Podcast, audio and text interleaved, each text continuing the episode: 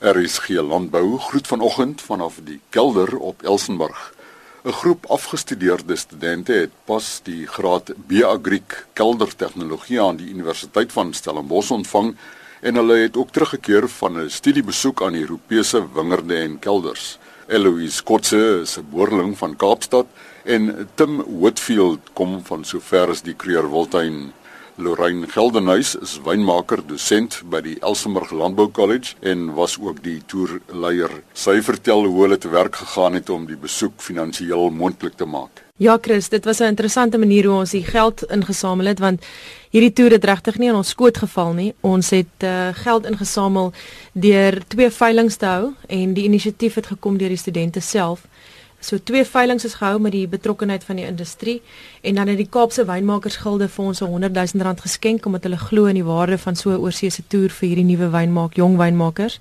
Ehm um, Amorim is 'n kerkmaatskappy van Portugal wat wat bet, groot betrokkeheid het in Suid-Afrika en hulle het vir ons gehelp met ons deel in Portugal waar, waar ons waar hulle ons gehuisves het en na sekere ehm um, wynmakers toe gevat het en die die laaste manier hoe ons geld ingesamel het was ehm um, ek gaan dit eintlik oorlaat aan Tim om daai deel van die storie te vertel want dit het baie baie interessante manier hoe ons ehm um, die IWSC het betrokke geraak. So Lorraine het my gesê ja, ek het 'n ekstra kaartjie vir die cricketdag Engeland teen Suid-Afrika en ehm um, die IWC gaan dit ehm um, gaan dit sponsor.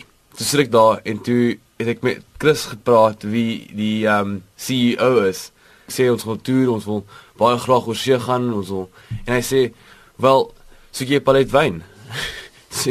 Dit dit het nie eens eintlik geweet hoe groot 'n palet wyn was dit toe ek en Lorraine gaan optel het. Eloise julle is nie Europa toe om te gaan leer ski nie.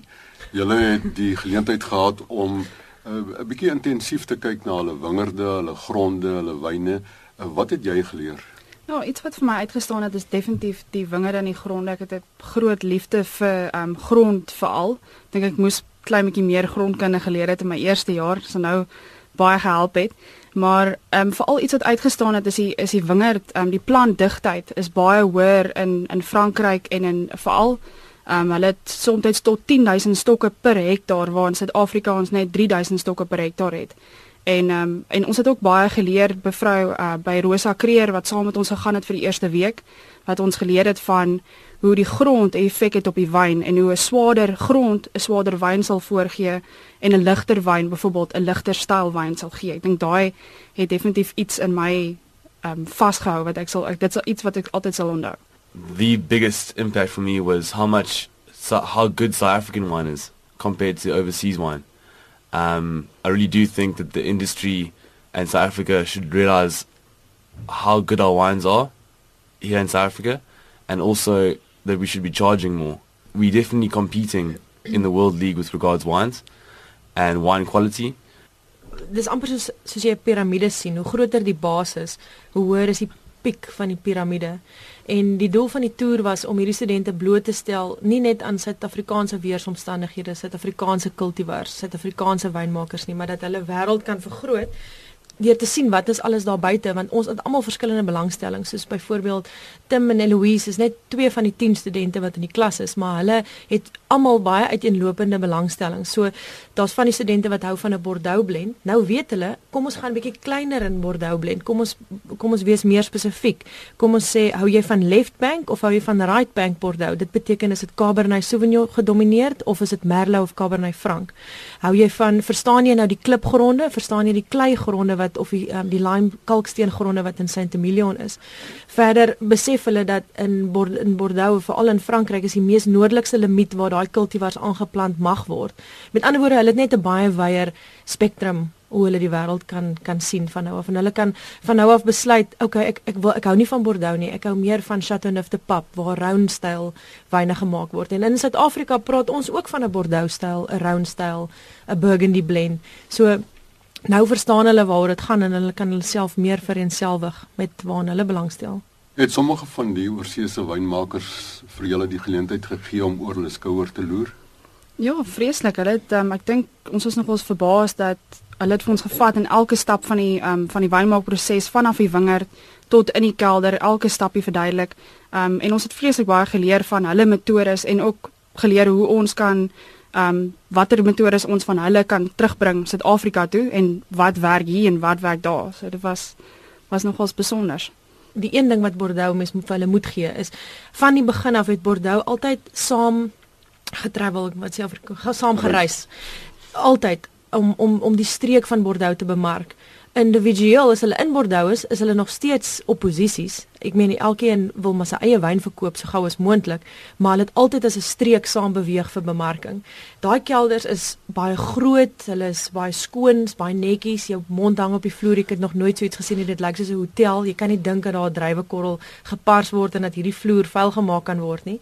So dan jy hierdie een filosofie, dan beweeg jy na die round toe. Dis baie meer autentiek.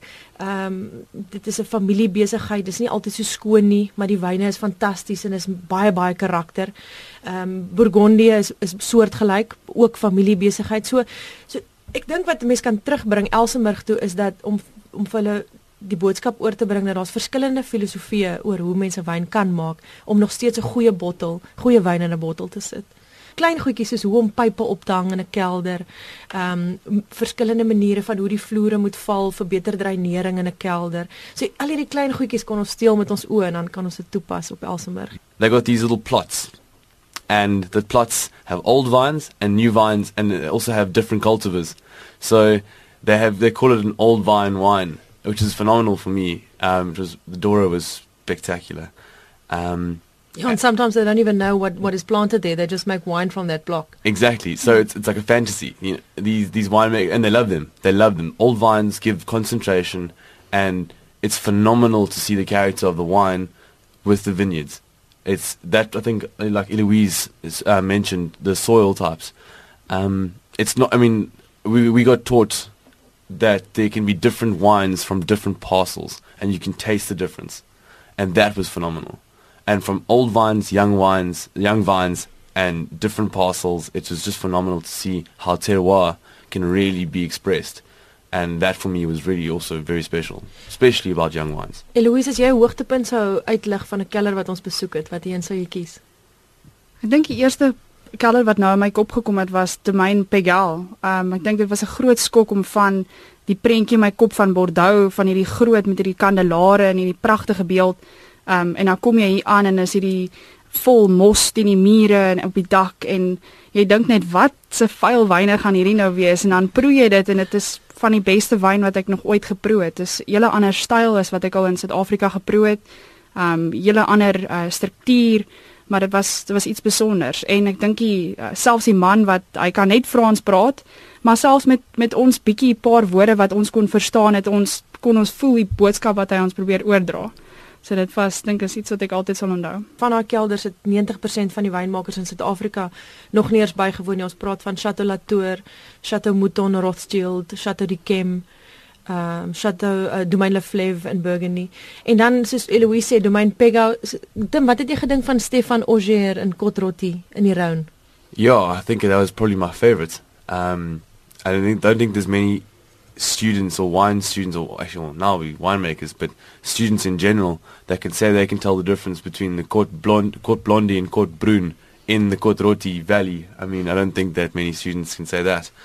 And from just a winemaking perspective, just how important winemaking winemaking is with regards advertising, marketing, and um, how important it is to start from the bottom and work your way up to the top.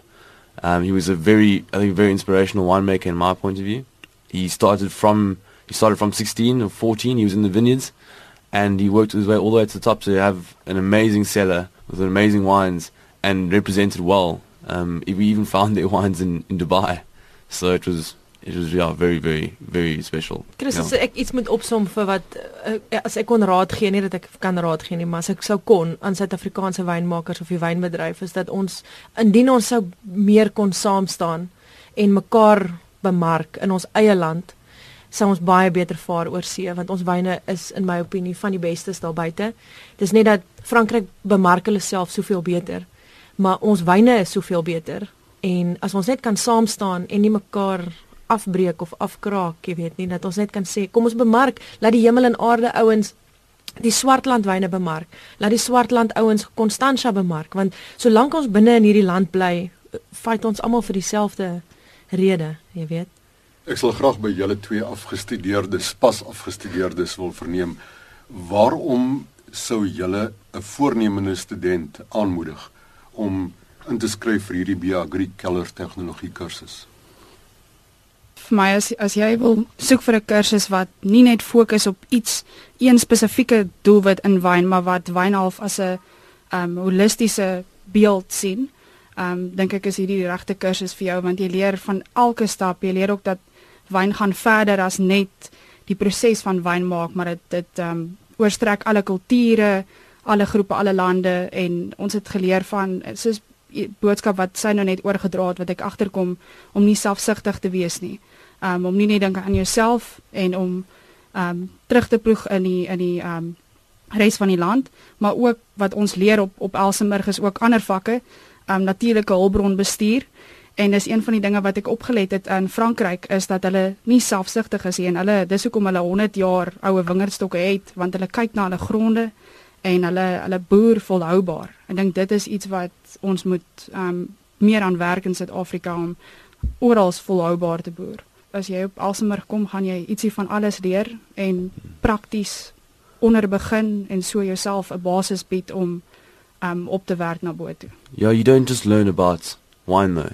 You learn about how to be a better person, how to work hard and also, you know, how to work as a group because, you know, we in each other's face for 24/7. It's it's not a, it's not a course where you're going to from 8 to 5 go home go to bed, study if you want, and then come back the next morning. You know, you really got to put in the hours. And the more hours you put in, the more you get out of the course. It's really not a course where, I mean, Lorraine has done amazing, amazing work for us. I mean, it's it's really, I think, a testament to how hard, if, what we achieve in the industry is a testament to how how hard Lorraine's worked for for us to be there, and it's very, very, very special course. Lorraine, hoeveel studente kan jy jaarliks inneem en waar klop jy aan? Dit is eintlik 'n dubbele keuringskursus want aan die einde van matriek moet jy aan die vereistes voldoen om as eerstejaar gekies te kan word by Elsenburg. Dan aan die einde van jou tweede jaar wanneer jy spesialiseer in wynkunde word jy weer gekeer. Jy moet weer aansoek doen vir die kursus in keller tegnologie. En dan is daar 'n onderhoud op grond van jou persoonlikheid, hoe passievol jy is oor die industrie uh, jou punte van jou tweede jaar en dan sit die paneel wat bestaan uit 'n paar dosente en 'n paar wynmakers uit die industrie en hulle sit dan saam om te besluit is is jy die regte kandidaat om as 'n ambassadeur vir Suid-Afrikaanse wynindustrie op te tree en ons neem tussen 10 en 20 studente per jaar. Die kontakadres.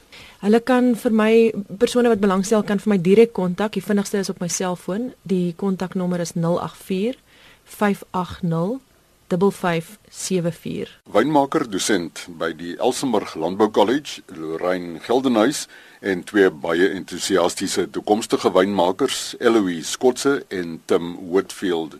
Beide Eloise en Tim begin hulle loopbaan vroeg in die nuwe jaar in die Cederberge. Voornemende B Agric kelder tegnologie studente kan direk met Lorraine Geldenhuys in verbinding tree op haar selnommer 084 580 5574 praat met Lorraine Geldenhuys. Vanoggend se program kan soos altyd afgelaai of weer gehoor word op die Elsenburg se webtuiste www.elsenburg.com. Klik op Resource Library. Christel Joen wat groet.